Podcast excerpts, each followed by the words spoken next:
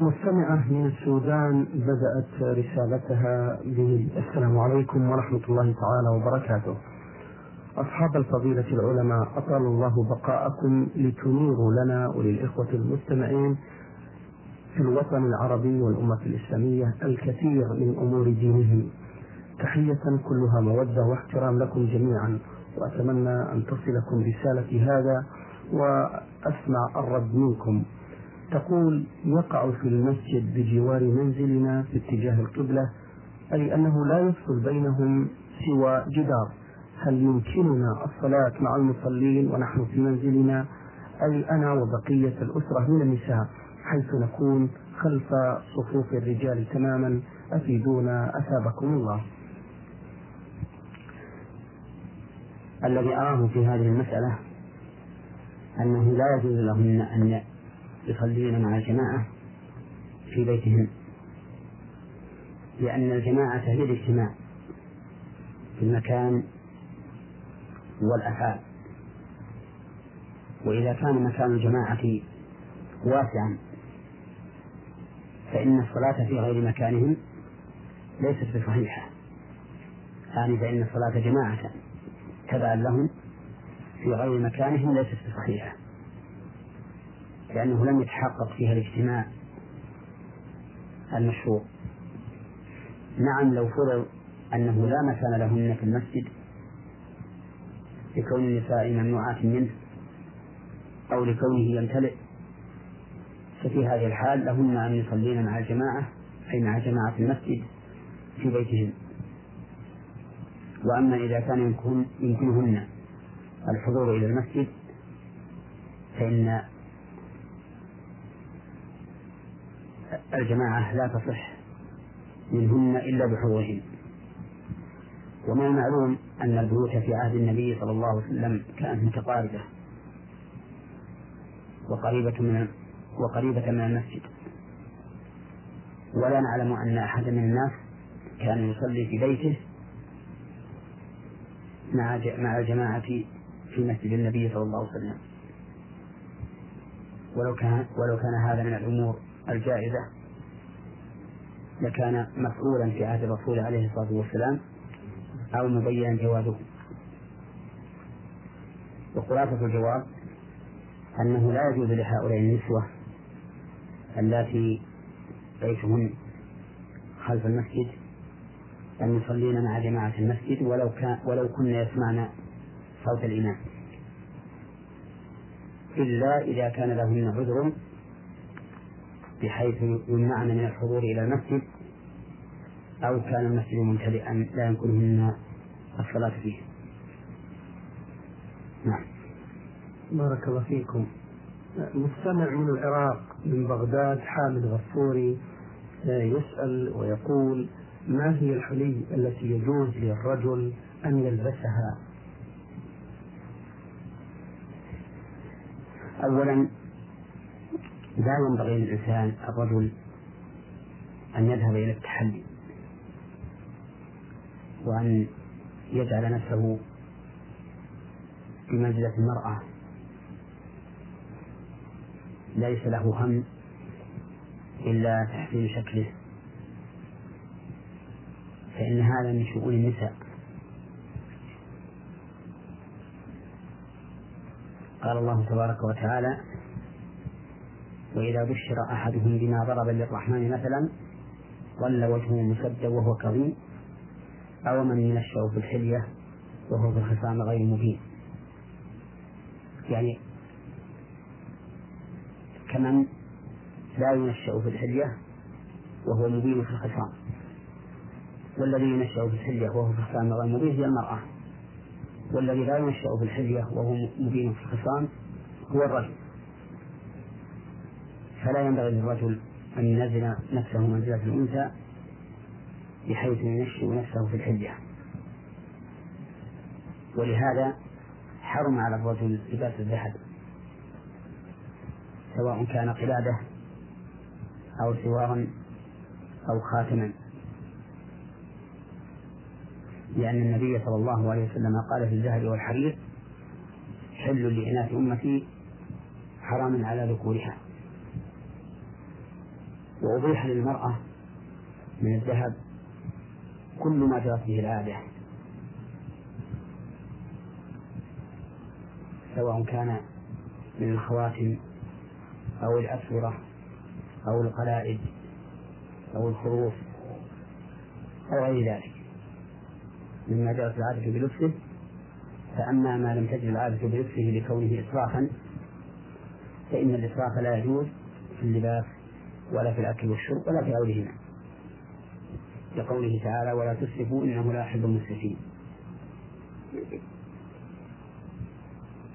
وأما لبس الرجل الخاتم من الفضة فإنه جائز ولا حرج فيه لأن لأنه ثبت عن النبي صلى الله عليه وسلم أنه اتخذ خاتما من ورق أي من فضة نعم. والخاتم من الحديد الخاتم من الحديد اختلف فيه أهل العلم. فمنهم من كرهه ومنهم من أجازه. وأظن أن بعضهم حرمه. لأن النبي صلى الله عليه وسلم ذكر أنه من حلية أهل النار.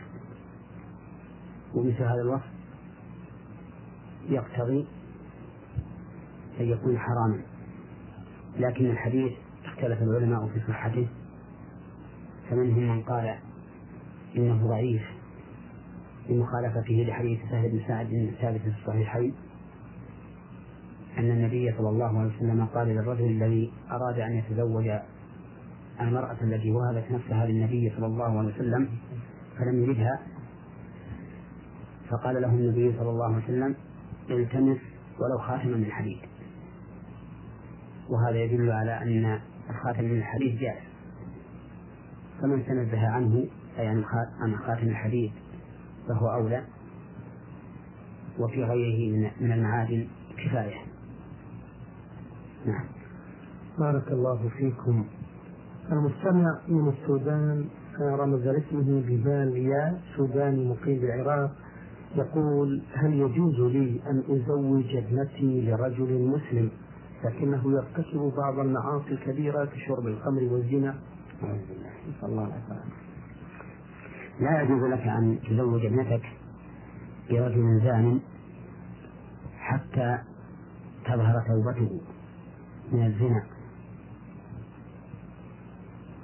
لا يجوز لك أن تزوج ابنتك برجل زان حتى تظهر توبته من الزنا وتستقيم حاله. لقول النبي لقول الله تعالى الزاني لا ينكح إلا زانية أو مشركة والزانية لا ينكحها إلا زان أو مشرك وحرم ذلك على المؤمنين. ومعنى الآية الكريمة أنه يحرم على المؤمنين أن يزوجوا الزانية أو أن يتزوجوا الزانية. فإن فعلوا ذلك كانوا إما زناة وإما مشركين. ووجه هذا أنهم إن تزوج أن الرجل إذا تزوج الزانية فإما أن يرفض كون الزواج بها حراما ولا يعترف به وحينئذ يكون مشركا لأنه أحل ما حرم الله. وإما أن يؤمن بأن الزواج بها حرام ولكن لم يتمكن من التحكم في نفسه حتى عصى الله عز وجل بفعل ذلك فيكون زانيا لأن النكاح ليس بصحيح. هذا هو معنى الآية البين الظاهر الواضح. الذي لا يحتاج إلى تكلف أو تأويل. وأما إذا كان الخاطب عفيفا عن الزنا ولكنه يشرب الخمر فإننا لا ننصحه بتزويجه إياه بتزويجها إياه. لا ننصحه بتزويجها إياه. فإننا لا ننصحه بتزويجها إياه لقول النبي صلى الله عليه وسلم إذا أتاكم من ترضون دينه وخلقه فأنكحوه. لأن شارب الخمر لا يرضى دينه. لأنه شارب خمر فاسق حتى يتوب من شرب الخمر ويقلع. ولكن لو زوجها به مع رضاها به فإن النكاح صحيح. بخلاف ما إذا زوجها برجل زان لم تظهر توبته نعم. أثابكم الله شيخ محمد. آه، من الجزائر المستمع ذا عثمان. مستمع عثمان يقول ما صحة الحديث العين الحق وإن كان كذلك فما هو العلاج الذي يسلكه المؤمن من اتقاء العين وكيف تصيب العين الإنسان وإن كان هناك علاج فما هي الطريقة؟ في نظركم مشكورين. نعم. الحديث صحيح. والعين حق. والواقع يشهد بذلك. والعين عبارة عن صدور عن صدور شيء من نفس حاسد حاسد يغبط الناس على ما أتاهم يحسد الناس على ما أتاهم الله من فضله. فهو أي العائن شرير. لا يريد من الناس أن يتمتعوا بنعم الله. فإذا رأى في شخص نعمة من نعم الله عليه فإن هذا الحسد الكامل في نفسه ينطلق حتى يصيب ذلك المتنعم بنعم الله عز وجل. والطريق إلى الخلاص من العين بالنسبة للعائن أن يبرك على من رآه متنعما بنعمة الله. فيقول اللهم بارك على فلان وما أشبهها من الكلمات التي تطمئن نفسه وتكبت ما فيها من حسد. وأما بالنسبة للرجل الخائف من العين فإن العلاج لذلك أن يكثر من قراءة الأوراد صباحا ومساء. كآية الكرسي وسورة الإخلاص وسورة قل أعوذ برب الفلق قل أعوذ برب الناس وغيرها مما جاء في السنة. هذا علاج للوقاية منها قبل الإصابة. أما بعد أن يصاب بها فإنه يؤخذ من وضوء العائن أو مما يغتسل به من الماء يؤخذ منه فيصب على المصاب بالعين أو يحثو منه. فإذا فعل ذلك فإنه يبرأ منها بإذن الله. فيؤمر العائن بأن يتوضأ أو يغتسل ويؤخذ ما تناثر من مائه. ويصب على المصاب أو منه أو يجمع بين الأمرين وبذلك يزول الأمر. أو بذلك يزول أثر العين. نعم. صدقكم الله شيخ محمد. الغبطة يا شيخ محمد هل تدخل في الحسد؟ الغبطة لا تدخل في الحسد لأن الحاسد يتمنى زوال نعمة الله على غيره. نعم. والغابر يغبط هذا الرجل بنعمة الله عليه ولكنه لا يتمنى زوالها. آه المستمع من الجزائر عثمان يقول هل يجوز للمسلم أن يتزوج بفتاة من أهل الكتاب؟ وإن, وإن كان الجواب بنعم فما هي الشروط التي تتوفر في الإنسان المسلم؟ وفي الفتاة حتى يتم هذا الزواج وفي الأخير أتقدم لكم بالشكر الجزير على ما تقدمونه من خدمة للإسلام والمسلمين. نعم يجوز للمسلم أن أن يتزوج بامرأة من أهل الكتاب. بقول الله تعالى اليوم أحل لكم الطيبات وطعام الذين أوتوا الكتاب حل لكم وطعامكم حل لهم والمحصنات من المؤمنات والمحصنات من الذين أوتوا الكتاب من قبلكم إذا آتيتموهن أجورهن محسنين غير مساكين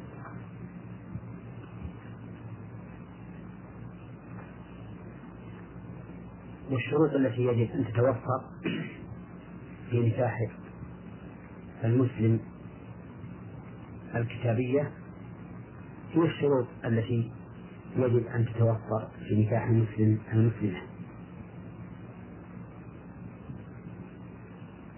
وأما قول من قال إنه يشترط أن لا يقدر على نكاح مسلمة فإنه قول ضعيف أو فقوله ضعيف لأن الله تعالى لم يشترط في نكاح أهل الكتاب في نكاح نساء أهل الكتاب ذلك لأن الله لم يشترط في نكاح نساء أهل الكتاب ذلك الشرط. ولكن قوله تعالى والمحصنات من المؤمنات والمحصنات من الذين أوتوا الكتاب يدل على أن الأولى للمسلم أن يبدأ بنكاح المؤمنات أولا. فيسأل فإذا لم يتيسر له نكح المحصنات من الذين أوتوا الكتاب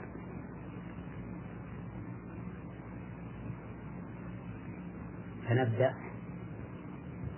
بما بدأ الله به. نعم. بارك الله فيكم. آه، مستمع عبد الرحمن إبراهيم أحمد من جمهورية اليمن الديمقراطية الشعبية يقول فيه في يوم الجمعة عندنا يقوم البعض من الناس بالتسبيح ويقولون الصلاة وألف سلام آه، يا سيدي يا رسول الله ويستدلون بهذا بقوله تعالى إن الله وملائكته يصلون على النبي يا أيها الذين آمنوا صلوا عليه وسلموا تسليما إلى آخر الآية فكيف نرد على مثل هؤلاء؟ نقول لهؤلاء ما ذكرت من الآية إن الله وملائكته يصلون على النبي يا أيها الذين آمنوا صلوا عليه وسلموا تسليما. ما ذكرتموه من الآية دليل عليكم وليس دليلا لكم. لأن الله عز وجل أمر بالصلاة والسلام على نبيه صلى الله عليه وسلم كل وقت ولم يخص ذلك بيوم الجمعة. وأنتم جعلتم هذا في يوم الجمعة فقط. ثم إن الله عز وجل لم يأمر بأن نصلي ونسلم عليه مجتمعين وأنتم جعلتم الصلاة والسلام عليه مجتمعين فخالفتم الآية حيث خصصتموها بيوم معين وبصفة معينة. والواجب علينا أن نطلق ما أطلقه الله وأن نقيد ما قيده الله وأن لا نتجاوز ما جاءت به نصوص الكتاب والسنة. ونصيحتي لهؤلاء الإخوة أن يتقيدوا بما جاء به الشرع من العبادات كمية وكيفية ونوعا ووقتا ومكانا. لأن من شرط العبادة أو من شرط صحة العبادة وقبولها أن تتضمن أمرين. الأمر الأول الإخلاص لله عز وجل والأمر الثاني المتابعة لرسول الله صلى الله عليه وسلم. دليل الأمر الأول قوله تعالى فادعوا الله مخلصين له الدين وقوله وما أمروا إلا ليعبدوا الله مخلصين له الدين حنفاء وقول النبي صلى الله عليه وسلم إنما الأعمال بالنيات وإنما لكل امرئ ما نوى.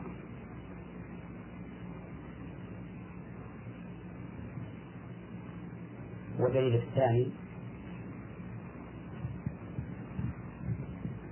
قوله صلى الله عليه وسلم من أحدث في أمرنا هذا ما ليس منه فهو أو من عمل عملا ليس عليه أمرنا فهو رد.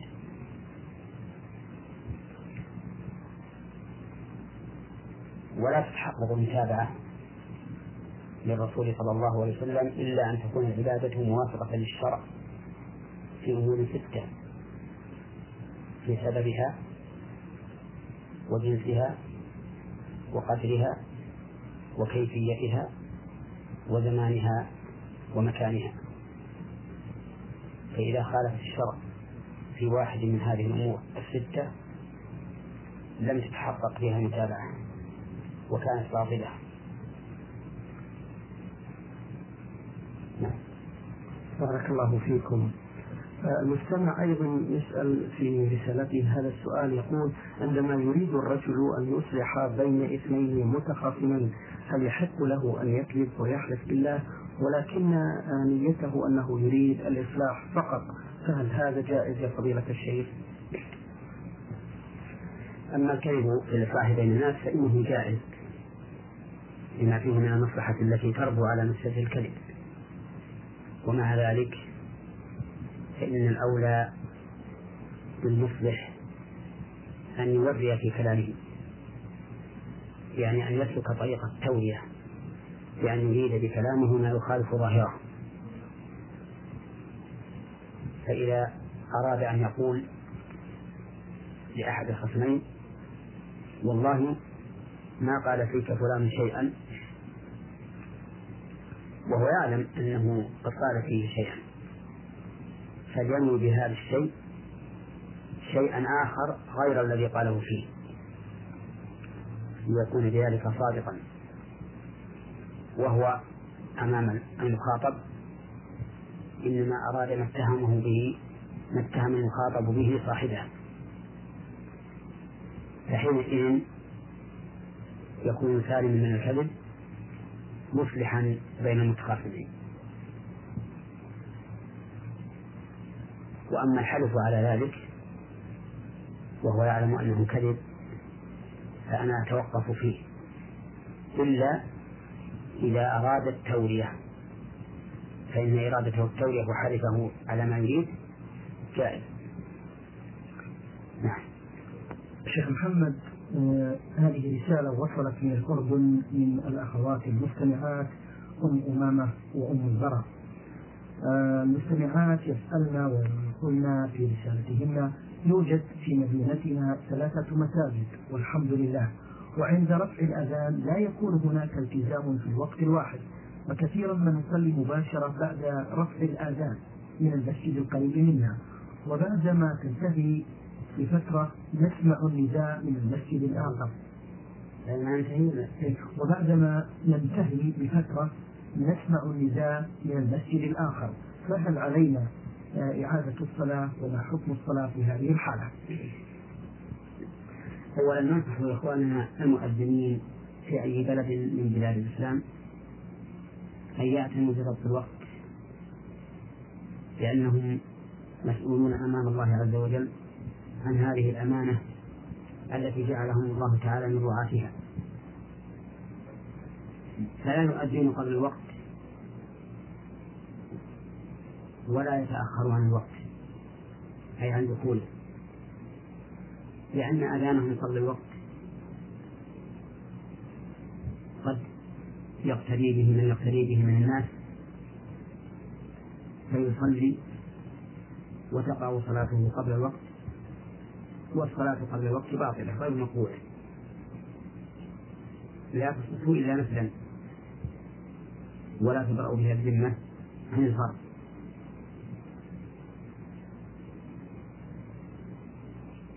والمصلي صلاها على أنها فرض ولكنها لا تقبل منه على أنها فرض لأنها في غير وقته بل تكون نفلا. وإن تأخر المؤذن عن الأذان في أول وقت حبس الناس عن الصلاة في أول الوقت لأن كثيرا من الناس ينتظرون أذان المؤذن. وربما يكون هذا الأذان أذان الفجر في أيام الصوم. فيبقى الناس يأكلون وقد طلع الفجر. والمهم أن المؤذن عليه مسؤولية كبيرة عظيمة. فعليه أن يتقي الله تعالى في أداء مهمته في أداء مسؤوليته. ويؤذن فور دخول الوقت حتى لا يغر الناس الناس إن أذن قبله ولا يؤخر الناس إن أذن متأخرا عن دخول الوقت. وإذا كان في البلد مؤذنان فأكثر. وصار أحدهما يتأخر والثاني يتقدم.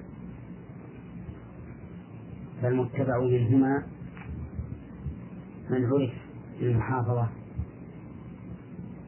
وقوة أداء الأمانة.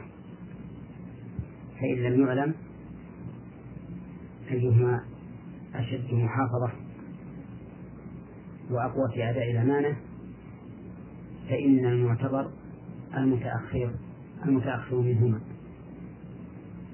ذلك لأن الرجلين إذا اختلفا في شيء فقال أحدهما حصل وقال الثاني لم يحصل فإن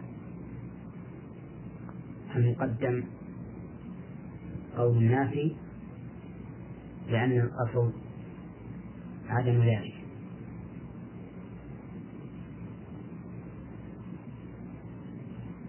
وقد نص أهل العلم على أنه إذا وكل الرجل من رجلين يرقبان الفجر له فقال أحدهما طلع الفجر وقال الثاني لم يطلع فإنه يقدم قول من يقول إن الفجر لم يطلع لأن الأصل معه.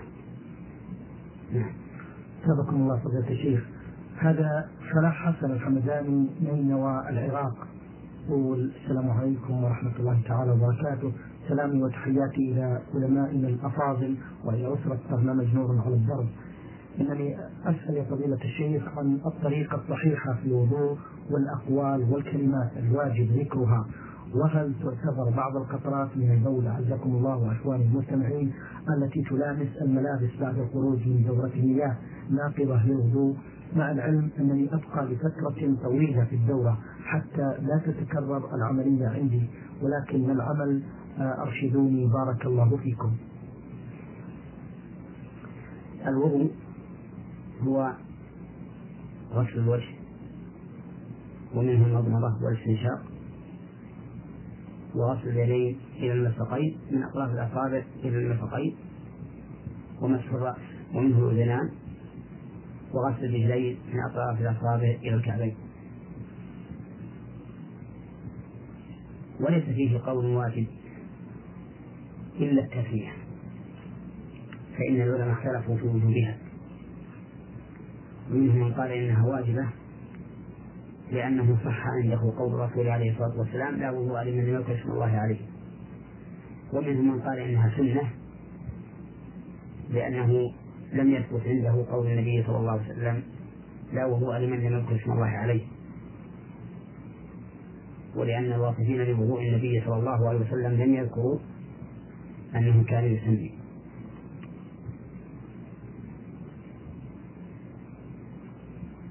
أما الذكر الذي بعد الوضوء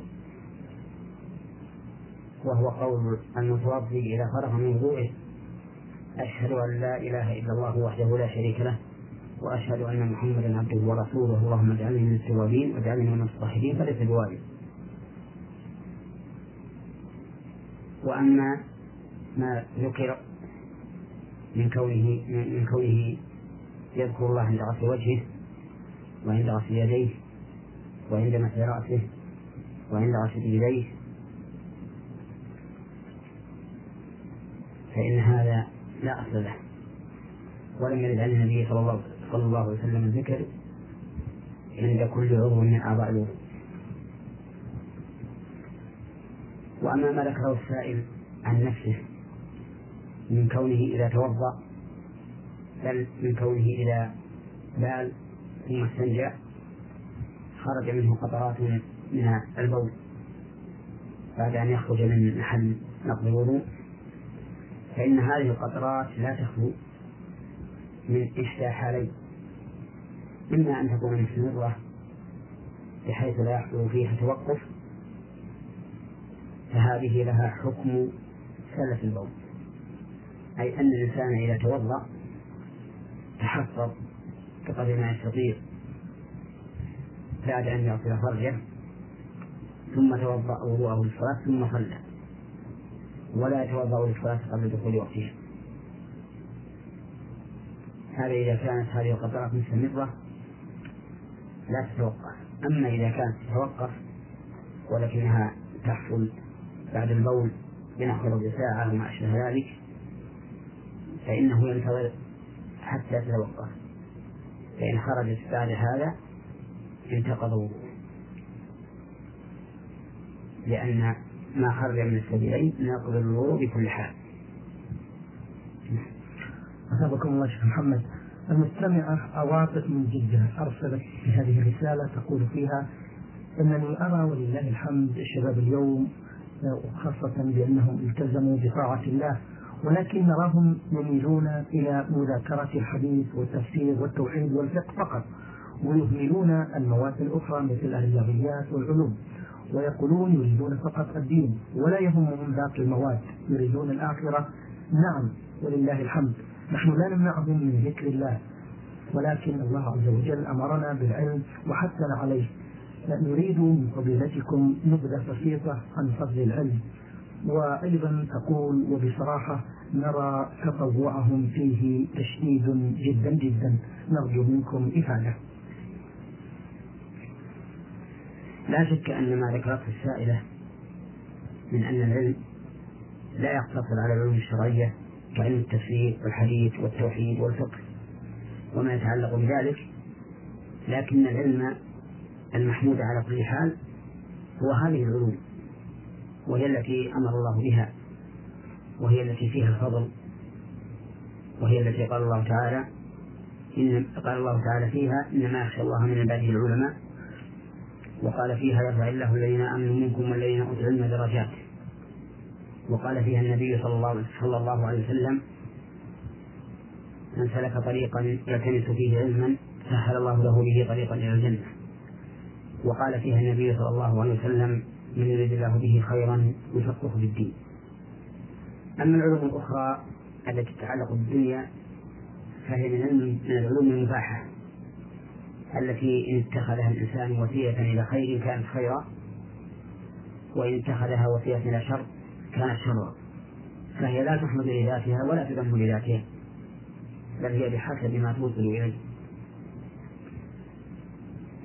وهناك علوم أخرى علوم ضارة في العقيدة وإما في الأخلاق وإما في السلوك هذه محرمة ومذمومة بكل حال.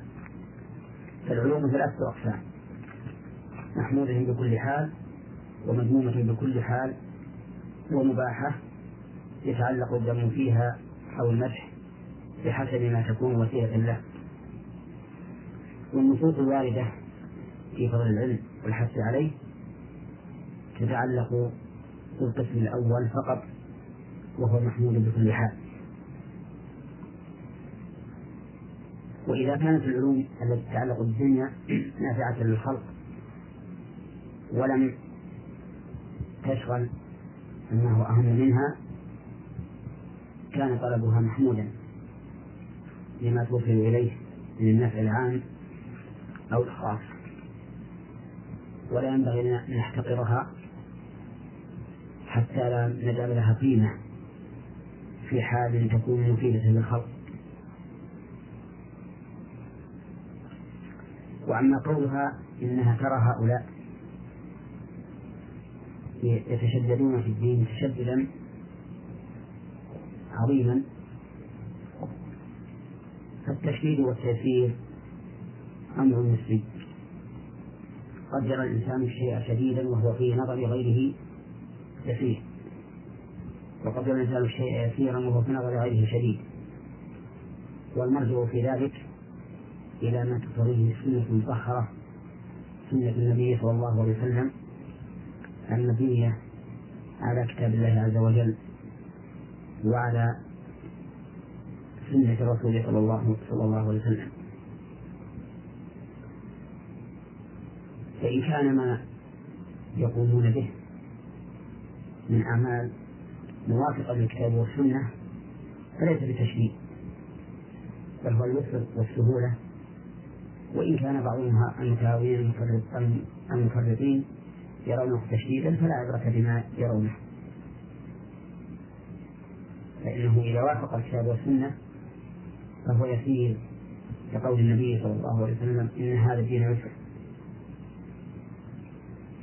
لكن قد يستنكر بعض المفرطين شيئا من شريعة من شرائع الإسلام ويظن أن القيام به تشديد فيصف المتمسكين به بالتشدد في دينهم.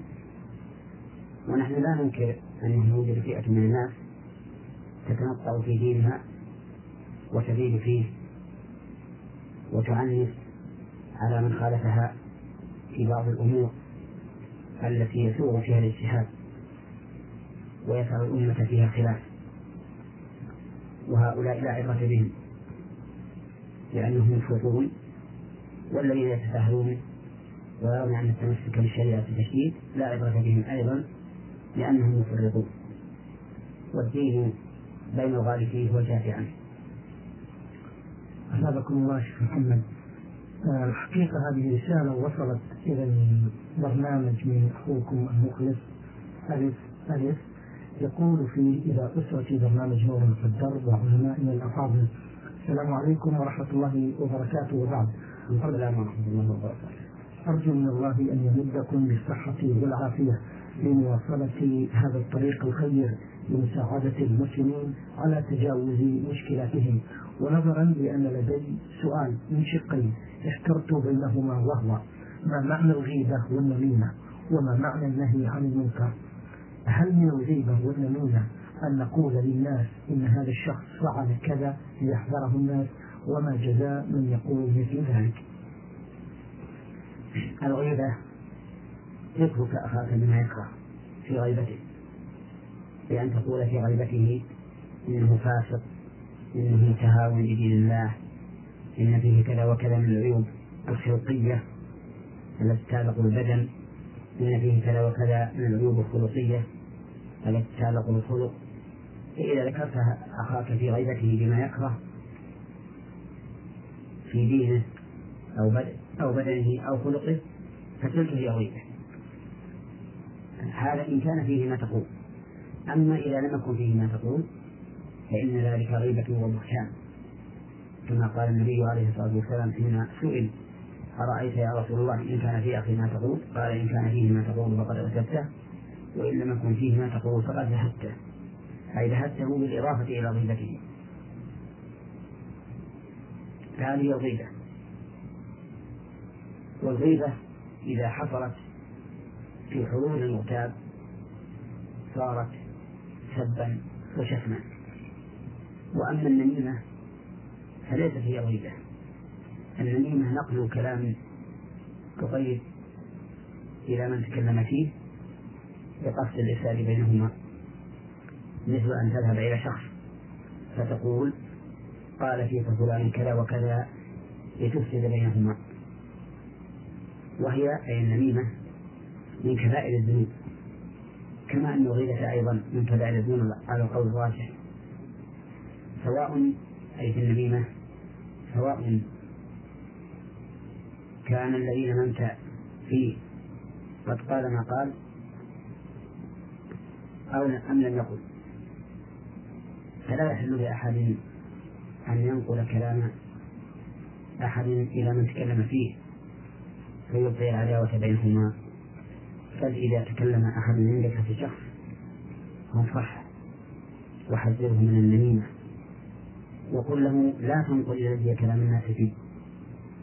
واتق الله حتى يدع النميمة وألم أن أن من نم إليك نم منك فاحذره ولهذا قال الله تعالى ولا تطع كل حلاك مهين همام مشاء بنميم مناع للخير معتد أثيم.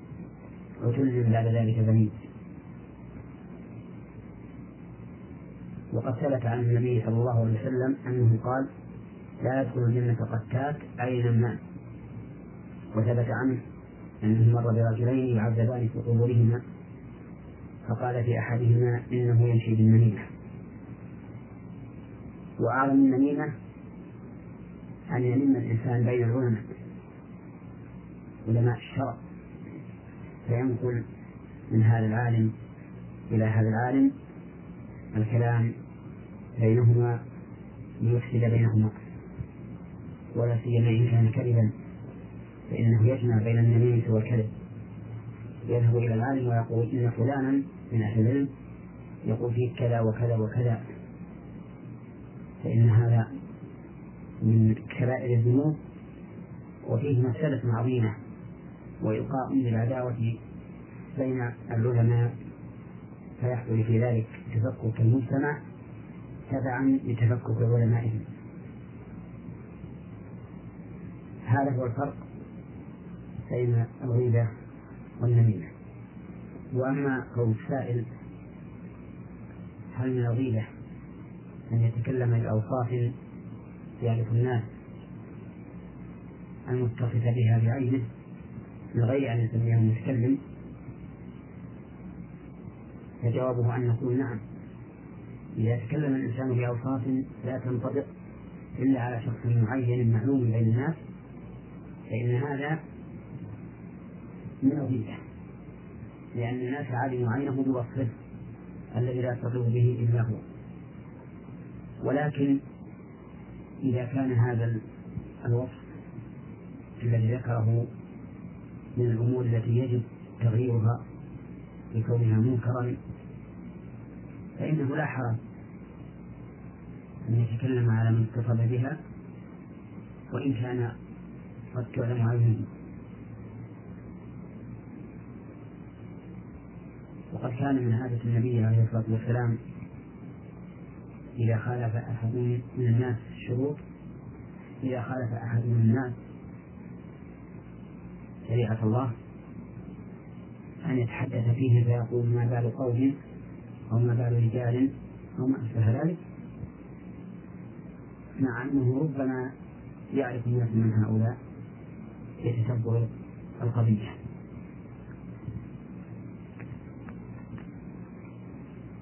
ويتفرع من ذلك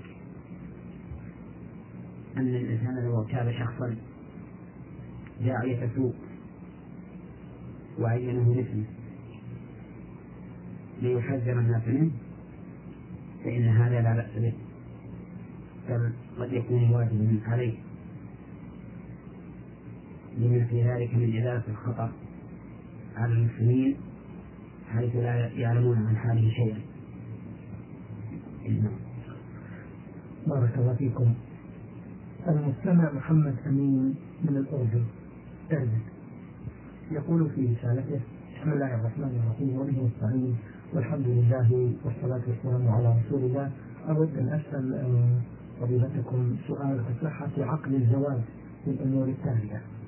عندما تكون المخطوبة لا تصلي مع التزامها بالحجاب والآداب وبعد الزواج أصبحت تصلي مع العلم أن الخاطب يصلي.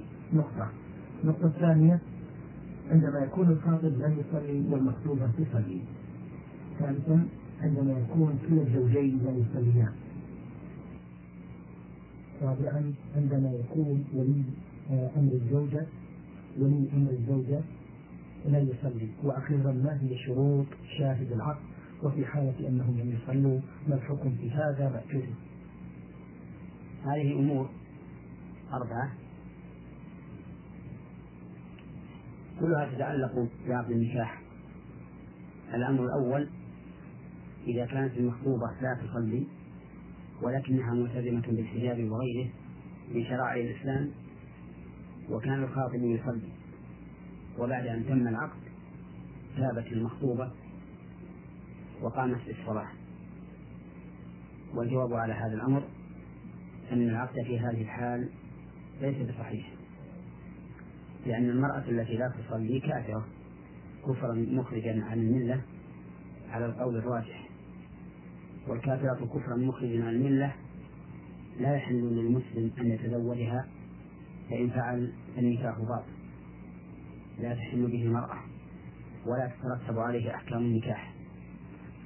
لقول الله تعالى في المهاجرات فإن علمتموهن مؤمنات فلا ترجعوهن إلى الكفار لا هن حل لهم ولا هم يحلون لهن. وعلاج ذلك أن يعاد العقد مرة أخرى بعد أن تصلي حتى يكون العقد من مسلم على مسلم. وهكذا الأمر الثاني الذي ذكره السائل وهو إذا كان الخاطب لا يصلي والمخطوبة تصلي ثم تم العقد وصار الخاطب يصلي فإننا نقول إن العقد لا يصح لأنه عقد من غير كافر من غير مسلم على مسلمة. وعقد غير المسلم على المسلمة غير صحيح وعلاج ذلك أن يعاد العقد مرة أخرى بعد أن يلتزم الإنسان أو بعد أن يلتزم الخاطب بالصلاة الأمر الثالث إذا كان كل من الزوجين لا يصلي أي أن كل واحد منهما مرتد عن الإسلام ثم عقد لهم النكاح. فهذا محل توقف عندي لأنني إذا رجعت إلى كلام الفقهاء رحمهم الله وقولهم إن المرتد لا يصح نكاحه سواء كان رجلا أم امرأة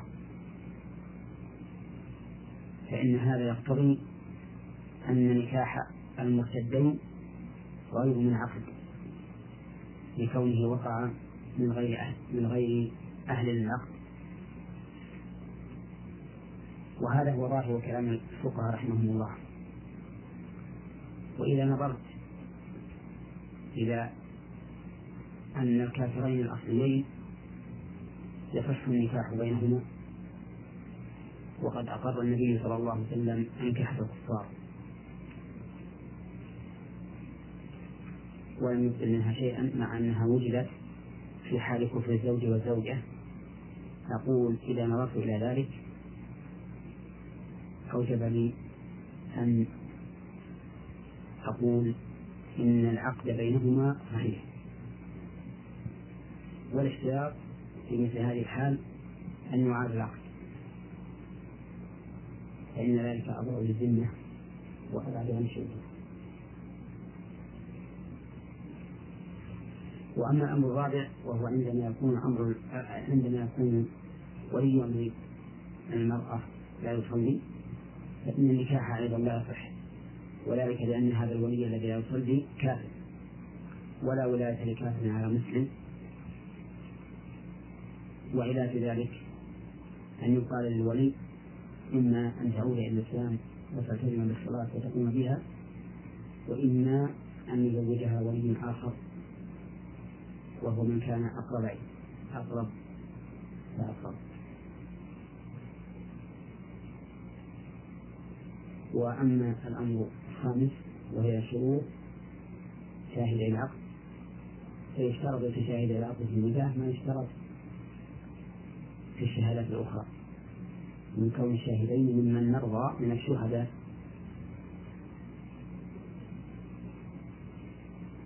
نعم. قال للمستمع المستمع عمر أحمد عورة الكريم سوداني مقيم الكويت. يسأل فضيلة الشيخ ويقول أسأل هل يصح الوضوء بالماء المالح بطبيعته أو المستخرج من الأرض بواسطة المكائن؟ الحمد لله رب العالمين وأصلي وأسلم على نبينا محمد وعلى آله وأصحابه أجمعين. نعم يصح الوضوء بالماء المالح بطبيعته أو بوضع فيه لأن النبي صلى الله عليه وسلم سئل عن الوضوء بماء البحر فقال هو الطهور ماء الحل ميتته ومن المعلوم أن مياه البحار مالحة. فيجوز للإنسان أن يتوضأ بالماء المالح سواء كان الملح حاجة فيه طارئا عليه. أو كان مالحا من أصله.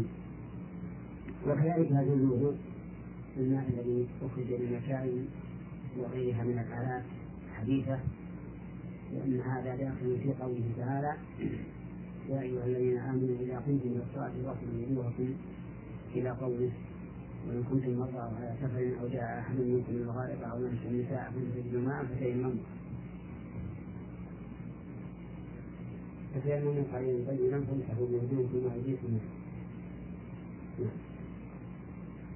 بارك الله فيكم. هذا طالب جامعي رمز لابنه بعين دال جدا المستمع فضيلة الشيخ يقول في رسالته أرجو عرض رسالتي هذه على أصحاب الفضيلة العلماء وفقهم الله. راجي من الله التوفيق لكي أحصل على الإجابة التي تنير لي الطريق وتهديني إلى سواء السبيل. أنا شاب أبلغ من العمر العشرين عاما مطيع لله سبحانه وتعالى وموفق في دراستي الجامعية. ولكن مشكلتي فضيلة الشيخ هي أنني أحس ولي أوقات متكررة في ثورة جنسية لا أستطيع مقاومتها حيث أنني أفقد التركيز أثناء الدراسة والمذاكرة وضيق متكرر. لماذا تنصحونني بارك الله فيكم؟ ننصحك بما أرشد إليه النبي صلى الله عليه وسلم في قوله يا معشر الشباب من استطاع منكم الباءة فليتزوج فإنه أغض للبصر وأحسن للفرج ومن لم يستطع فعليه بالصوم فإنه له وجهة فإذا أمكنك أن تتزوج فافعل. حتى يحصل لك فوائد النكاح التي منها ما أشار إليه النبي صلى الله عليه وسلم في قوله فإنه أغض للبصر وأحسن للفرج. وإذا لم يمكنك ذلك فعليك بالصوم. لأن الصوم عبادة لله عز وجل وهو مخفف من شدة الشهوة ولهذا قال النبي عليه الصلاة والسلام فإنه له وجاء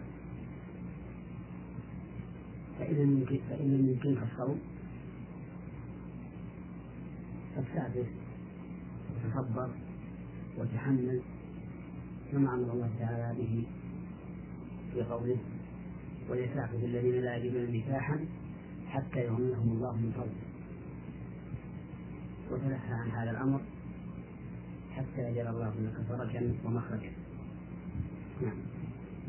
آه نعود إلى بقية أسئلة المستمع عمر أحمد عوض السوداني مقيم الكويت يقول في أسئلته. أن تفسير قوله تعالى الذين هم عن صلاتهم ساهون. تفسيرها أن الله عز وجل وعد المصلين الذين هم عن صلاتهم ساهون. أي غافلين عنها. لا يؤدونها على الوجه المطلوب منهم.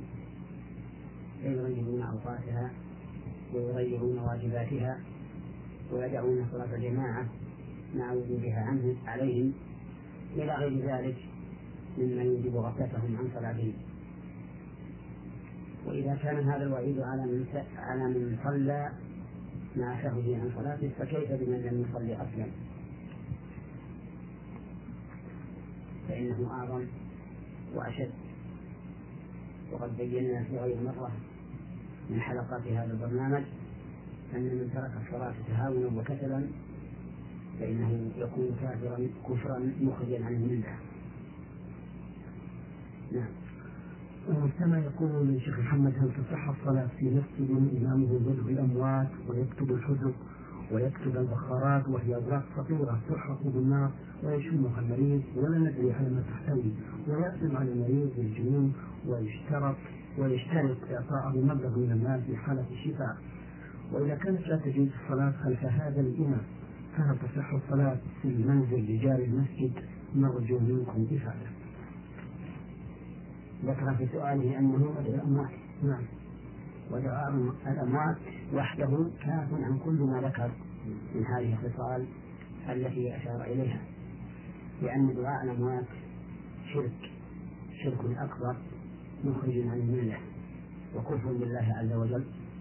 قال الله تعالى وقال ربكم ادعوني أستجب لكم. إن الذين يستكبرون عن عبادتي سيدخلون جهنم داخلين فجعل الله تعالى الدعاء عبادة وصرف العبادة لغير الله تعالى شرك.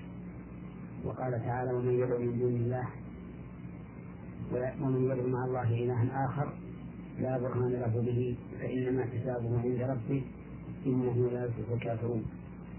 فجعل الله تعالى ذلك كافرا وأخبر أنه لا يفلح فلا ينال مطلوبه ولا ينجو من مرغوبه بدعائه من سوى الله عز وجل. ودعاء غير الله تعالى. من الأموات أو الأحياء سفه.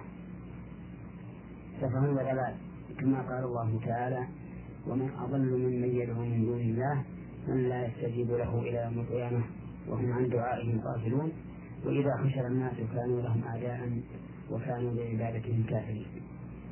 ومثل هذا الإمام لا تجوز الصلاة وراءه لأن صلاته غير صحيحة بل هي باطلة. لكونه مشركا بالله عز وجل. ومن أشرك بالله فهو كافر. وكل كافر فعبادته باطلة مردودة عليه.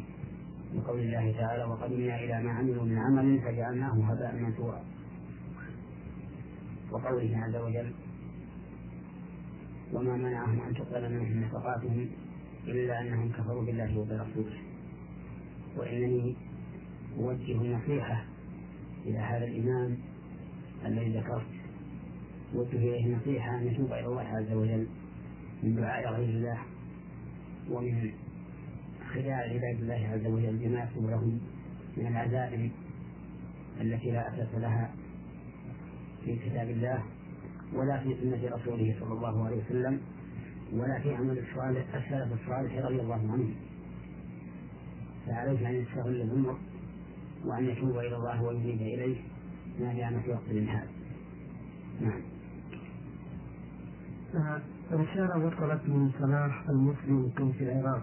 يقول قرأت أن الرسول الكريم صلى الله عليه وسلم كان لا يمر بآية إلا ويقف عندها يسبح أو يدعو أو يستعيذ أرجو توضيح هذا مع بعض الأمثلة بالتفصيل وهل يستمر في القراءة بعدها؟ وهل يجوز في عموم الصلاة أم في الفرض أم النافلة فقط؟ الذي ورد عن النبي صلى الله عليه وسلم في هذا ما رواه مسلم عن حذيفة بن اليمن رضي الله عنه أنه صلى مع النبي صلى الله عليه وسلم ذات ليلة فكان لا يمر بآية رحمة إلا سأل ولا بآية وعيد إلا تعود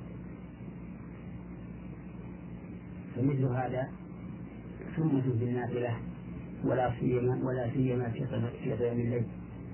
إذا مررت بآية رحمة أن تسأل الله تعالى من فضله. وإذا مررت بآية وعيد أن تتعوذ بالله تعالى من ذلك. مثاله لو قرأت قول الله تعالى إن الذين كفروا من أهل الكتاب والمشركين في نار جهنم خالدين فيها أبدا أولئك هم شر البرية فقلت أعوذ بالله من ذلك. ثم إن الذين آمنوا وعملوا الصالحات أولئك هم خير البرية. جزاؤهم عند ربهم جنات عدن تجري من تحتها الأنهار خالدين فيها أبدا. رضي الله عنهم ورضوا عنه ذلك من خشي ربه. فتقول أسأل الله من فضله أن يجعلني منهم وما أشبه ذلك. فإن هذا بالنفل ولا سيما في قيام الليل سنة. مثل النبي صلى الله عليه وسلم لها. أما بالفرض فإنه مباح. إن فعله إنسان فلا إثم عليه وإن تركه فلا إثم عليه. نعم. مثلنا أيضا صلاح يقول هل هناك حرج يا فضيلة الشيخ أو كراهية أن يداوم المصلي على قراءة سور معينة في الصبح وكذا في الظهر؟ وهل يشترط أن تكون على ترتيب القرآن الكريم؟ بارك الله فيكم. لا حرج على الإنسان أن يلزم سورة معينة يقرأ بها في الصلاة إذا لم يعتقد أن ذلك سنة. ولكن في الصلاة الجهرية إذا التزم سورة معينة في صلاة معينة فإن الناس يظنونها سنة فيكون في ذلك تلبيس على الناس. فلا يفعل. لكن فيما بينه وبين نفسه إذا لم يتخذها سنة فلا حرج عليه. وينبغي أن يعلم أن هناك سورا معينة يقرأها الإنسان في صلوات معينة. مثل سورة ألف آمين تنزيل السجدة. وهل أتى على الإنسان في صلاة الفجر من يوم الجمعة؟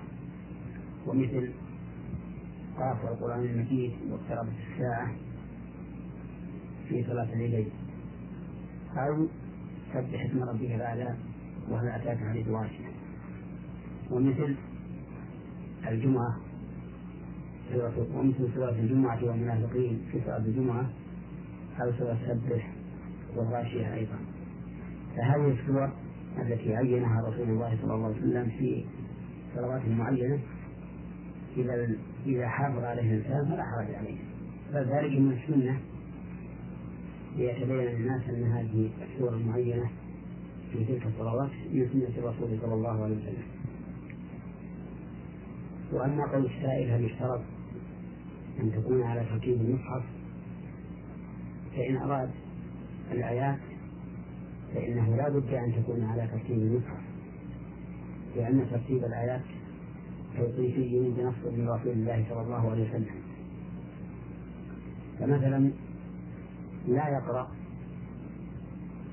قول الله تعالى قل أعوذ برب الناس هكذا. لا يقرأ قل أعوذ برب الناس إله الناس ملك الناس. بل يجب أن يرتب الآيات كما هي. فيقول قل أعوذ برب الناس ملك الناس إله الناس. وهكذا بقية الآيات في القرآن الكريم. لا بد أن نقرأها مرتبة. لما أشرنا إليه آنفا من كون ترتيب الآيات توقيفيا لنص الرسول صلى الله عليه وسلم. وأما ترتيب السور كما وردت فيه فيه السنة مرتبا كبير السجن مثل سورة سبح اسم ربك الأعلى وهل أتاك حديث غاشية ومثل سورة الجمعة والمنافقين.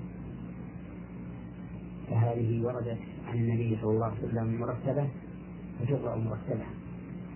وما لم عن النبي صلى الله عليه وسلم مرتبا فإن أهل العلم يقولون إنه يكره أن يخالف ترتيب المصحف. فلا يقرأ. قل أعوذ برب الفلق. قبل يقول هو الله أحد. ولا يقرأ سورة المعلوم قبل سورة الفيل. لأن ذلك خلاف ما عمل به الصحابة رضي الله عنهم حين وحد عثمان رضي الله عنه أن يصحب على هذا الترتيب المعروف.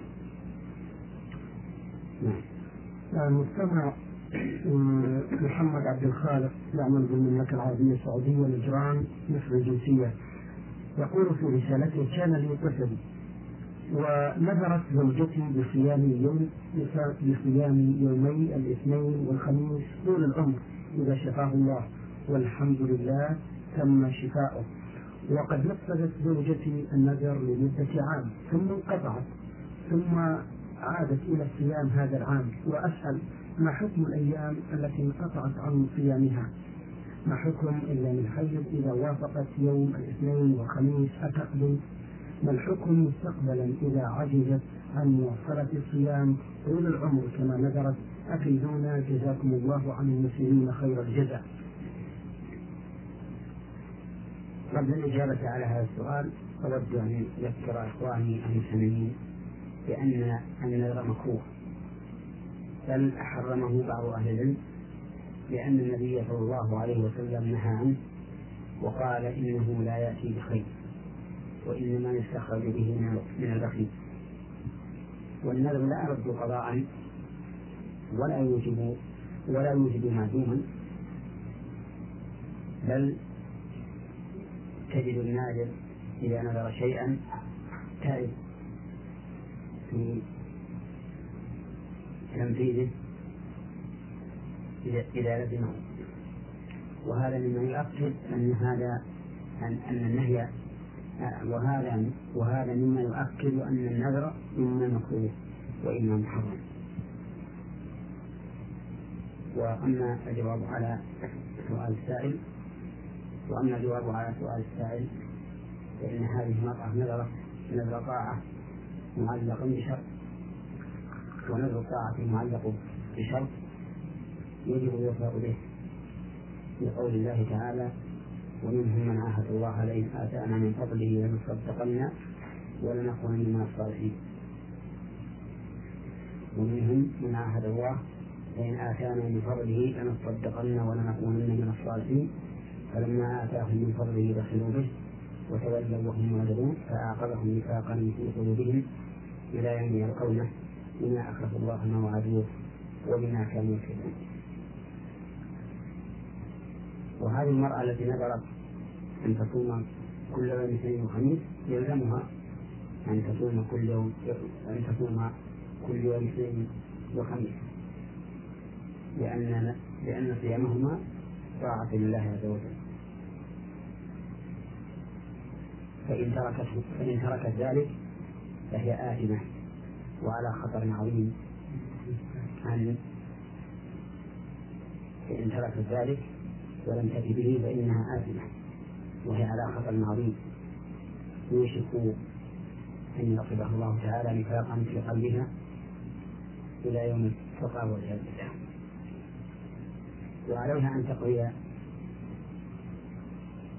الصوم إذا صادف يوم حيضها وإن كفرت مع ذلك كفارة يمين بفوات الوقت كان أولى وأحرى. نعم.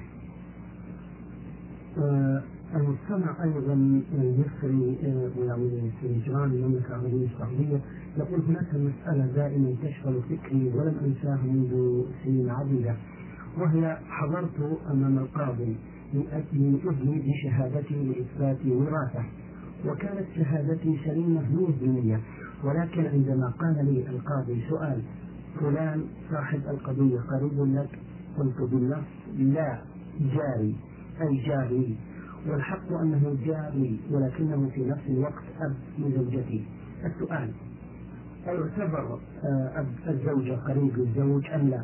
مع العلم بأنني قلت لا جاري. وكانت في نيتي ألا تتأجل القضية وأصحابها في انتظارها وقد يزعل مني وهذا إذا صرحت أن صاحب القضية أب لزوجتي أفيدونا عن هذا الأمر بارك الله فيكم. قولك للغاوي حين سألك أهو قريب لك؟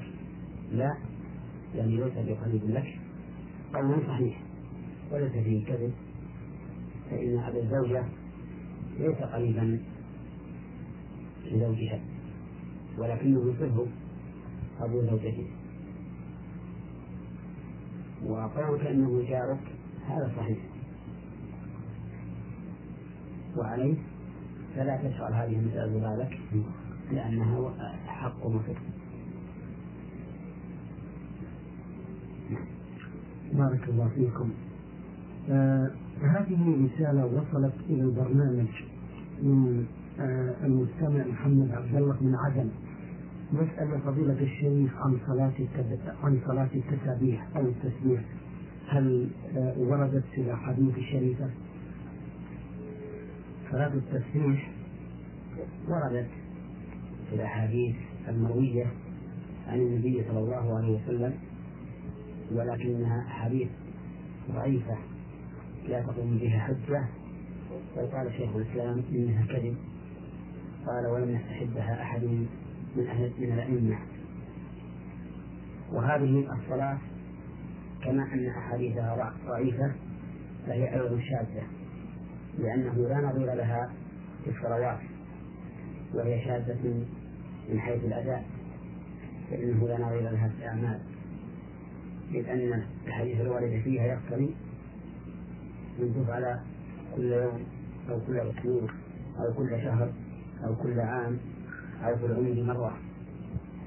ثم لو كانت صحيحة عن النبي صلى الله عليه وسلم لكانت مشهورة ولتناقلها الناس ولم تكن تأتي بمثل هذه الطرق الضعيفة لأنها صلاة غريبة وعارف أن الغرائب تنقل وتبين ولأنها صلاة فيها فائدة عظيمة. وصحت عن النبي صلى الله عليه وسلم. الراجح عندي من أقوال أهل العلم أنها لا تشرع ولا تستحب لضعف أحاديثها ونكارة فعلها. ومعنى قول نكارة فعلها أي أن فعلها لا نظير له في الصلوات. نعم.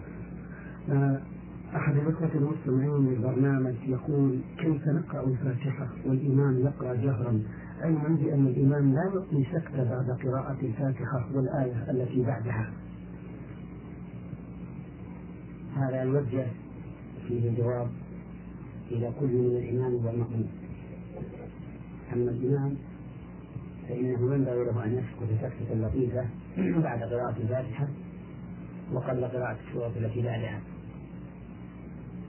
كما روي ذلك عن النبي صلى الله عليه وسلم من حديث سمرة بن جندب رضي الله عنه وهو حديث حسن. بل وصفه الحافظ بن حجر في فتح الباري بأنه بأنه ثابت. ولأنه إذا سكت هذه السكتة اللطيفة شرع المأمون في قراءة الفاتحة واستمر عليها. وأما السكوت سكوتا طويلا حتى يقرأ المأمون الفاتحة فإن هذا لا دليل عليه من السنة فيما أعلم.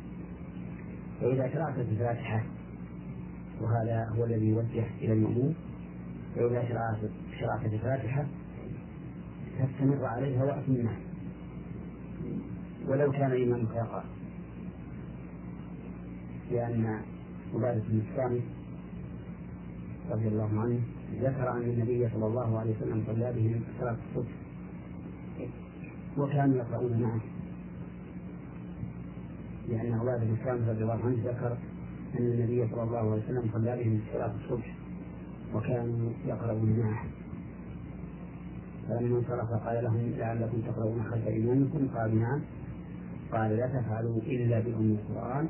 فإنه لا صلاة لمن لم يقرأ بها فالمأموم يقرأ الفاتحة ولو كان الإمام إمامه يقرأ. أما ما سوى الفاتحة فلا يقرأه المأموم إذا كان يسمع قراءة إمامه. ولا تدخل الفاتحة عن المأموم إلا في حالة واحدة فقط وهي ما إذا جاء والإمام راكع فإنه في هذه الحال يكبر تكبيرة الإحرام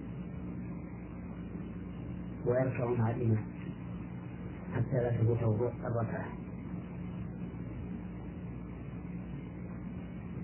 وتكبيرة الإحرام هنا واجبة. الركن لا تنعقد الصلاة إلا بها. ويكبر وهو قائم معتدل ثم يكبر عند هويه إلى الركوع فهو أفضل. وإن لم يفعل فلا حرج. فالمسبوق الذي يأتي والإمام راكع تسقط عنه الفاتحة وكذلك لو أتى ودخل مع الإمام وشرع في قراءة الفاتحة ثم ركع الإمام. وخاف إن أتم الفاتحة أن تفوته الركعة ففي هذه الحال يركع مع الإمام وتسقط عنه الفاتحة. ودليل ذلك حديث أبي بكر رضي الله عنه أنه انتهى إلى النبي صلى الله عليه وسلم وهو راكع في المسجد فأسرع رضي الله عنه ودخل الصلاة قبل أن يصل إلى الصف. فلما سلم النبي صلى الله عليه وسلم سأل عن الفاعل فقال أبو بكر كأنس فقال النبي صلى الله عليه وسلم ذلك الله حسن ولا تعبد. أي لا تعبد ما فعلت.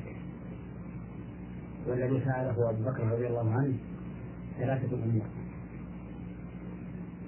أولا أنه أسرع والثاني أنه ركع قبل أن يصل في الصف. والثالث أنه ركع مع النبي صلى الله عليه وسلم قبل أن يقرأ الفاتحة. يعتد بالركعة. والمنظر إلى أي شيء يعود النحي من هذه الثلاثة. وذلك بأن نرجع إلى السنة. فإذا رجعنا إلى السنة وجدنا أنه يعود إلى الأمرين الأولين وهما الإسراع والدخول مع الجماعة قبل الوصول إلى الصف. أما الأول فلأن النبي صلى الله عليه وسلم قال إذا سمعتم الإقامة فامشوا إلى الصلاة وعليكم السكينة والوقار. ولا تسرعوا فما أدركتم فصلوا وما فاتكم فأتموا فقال ولا تسرعوا وأما الثاني فلأن المصافة واجبة وقول النبي صلى الله عليه وسلم لا صلاة لمنفرد خلف الصف. فإذا دخل في الصلاة قبل أن يصل الصف فقد دخل في الصلاة قبل أن يقوم بواجب المصافة وأما الثالث وهو أن يدخل مع أنه دخل مع النبي صلى الله عليه وسلم حيثما أدركه فهذا لا نهي فيه. لقول النبي صلى الله عليه وسلم فما أدركتم فصلوا وما فاتكم فأتموا. وبهذا التقرير يتبين أن الفاتحة تسقط عن المأمون في مثل هذه الحال.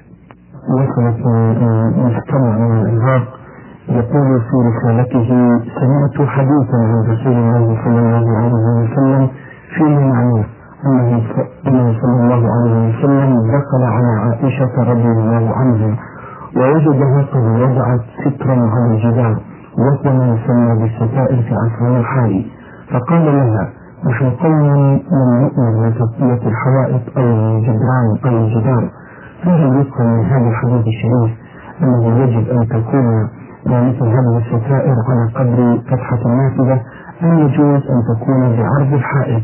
التي توجد النافذة أي أن تكون آه، الستائر على جانب النافذة أستفيد بارك الله فيكم.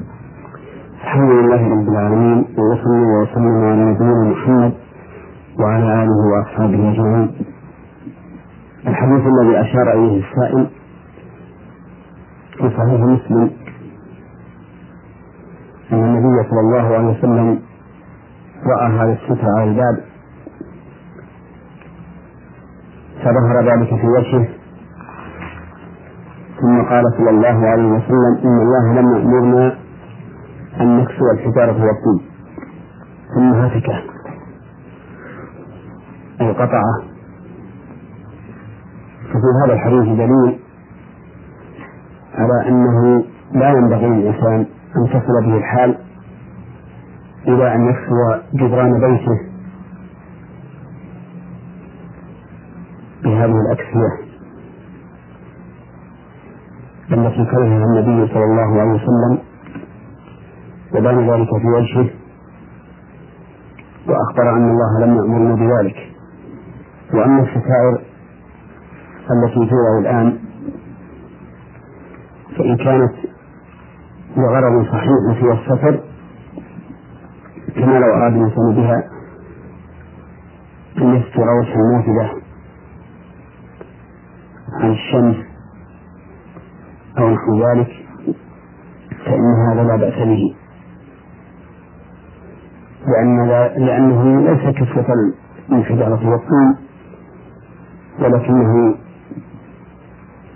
للتوقي من أذى يترقبه أو مصلحة يرجوها بهذه الكسوة. فأما مجرد الزينة أي مجرد تزيين الجدار بهذه الكسوة فإن هذا داخل في الحديث. ولا ينبغي أن نفعله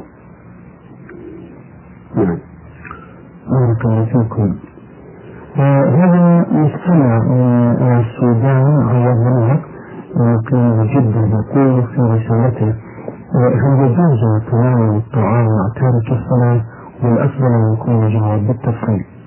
تارك الصلاة كما قدمنا مرارا. اختلف العلماء في حكمه. فمنهم من قال إنه فاسق ويقتل حدا. ومنهم من قال إنه كافر كفرا مخرجا عن الملة. يستتاب فإن تاب وإلا قتل. وهذا القول هو الراجح. الذي تدل عليه نصوص الكتاب والسنة والآثار الواردة عن الصحابة. وقد بينا هذه الأدلة في حلقات سابقة.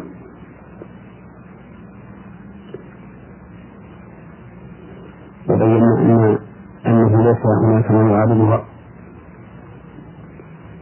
وأن الأحاديث التي استدل بها من يقول بأن تارك الصلاة ليس بكافر لا تخلو من إحدى حالات أربع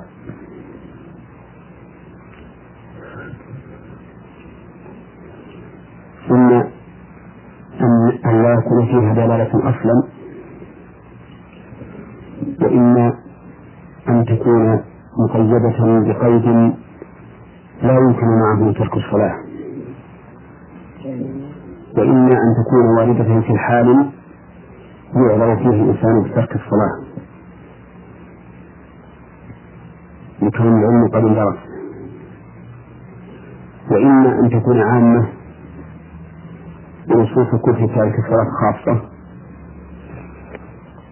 والمعلوم عند أهل العلم أن العام مخصص بالخاص. فتكون هذه الأدلة العامة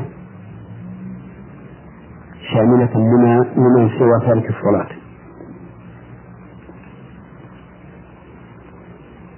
وإذا كان تارك الصلاة مسبا كافرا فإنه لا لا يجوز لأحد أن يسكن معه بل يجب هجره إلا